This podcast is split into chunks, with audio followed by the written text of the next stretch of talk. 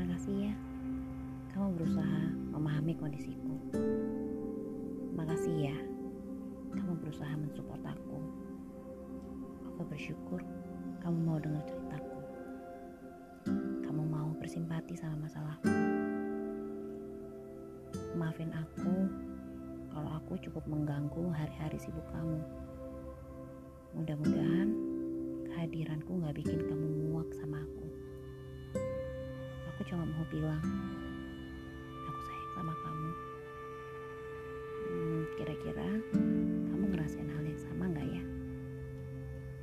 Aku cuma mau kasih tahu kamu, kalau aku masih rajin chat kamu, itu salah satu cara aku untuk memberitahu kamu bahwa aku masih bertahan. Mulailah curiga kalau aku tiba-tiba menghilang. Yang terima kasih banyak ya untuk semuanya. Love you and miss you always.